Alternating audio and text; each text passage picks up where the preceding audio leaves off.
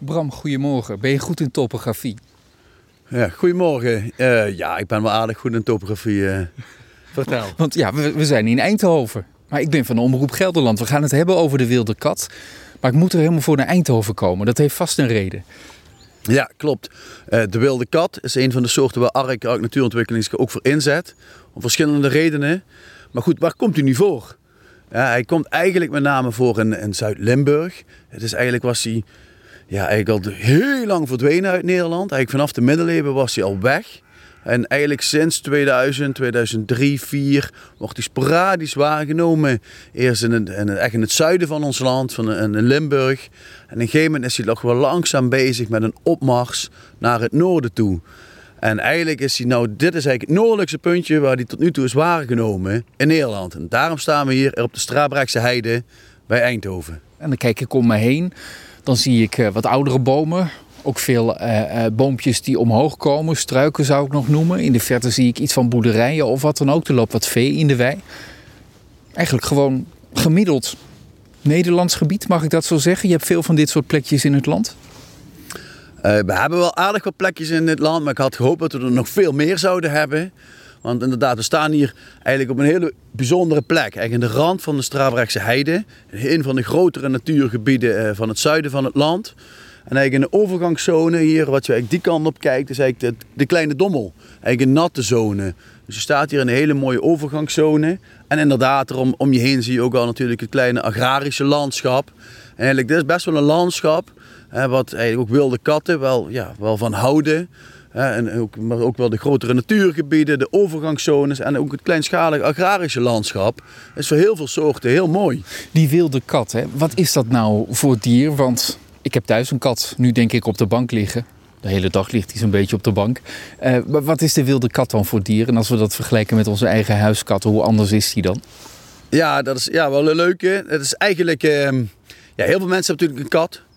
En eigenlijk die wilde kat is echt uh, ook een van de, ja, dat is eigenlijk echt de, de oerkat, zou ik zo zeggen. is echt een totaal ander beest. Want de meeste katten die wij hebben stammen allemaal af van de Cyprische, van Cyprische kat.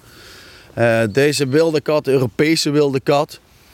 Ja, dat is echt een, um, ja, een dier die zat, heeft nog altijd wel in de Ardennen kunnen zitten, in de Eifel.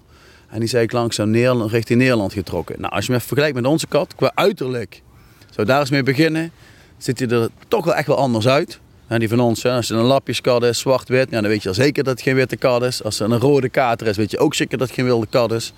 Hij lijkt wel een beetje op zo'n tijgerkat, wat heel veel sommige mensen wel kennen, ook mooi vinden.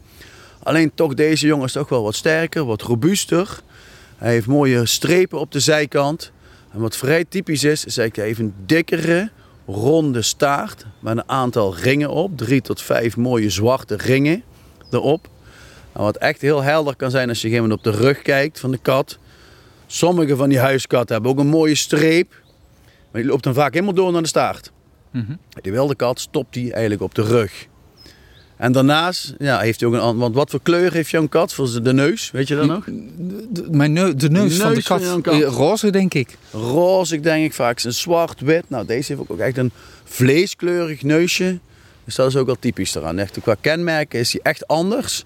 Maar ik moet eerlijk zeggen, soms is het lastig. Dus eigenlijk als je het echt wil weten, en dat wordt ook gedaan op de plekken waar die zit, proberen ze DNA te verzamelen. Zodat je echt weet dat het een Europese wilde kat is. In Gelderland, voor zover bekend dus. Want ik zou denken, de Veluwe is misschien best geschikt voor de wilde kat. Geschikt voor de wolf, dus waarom niet voor de wilde kat, denk ik dan. Maar daar vertel je misschien later wel meer over.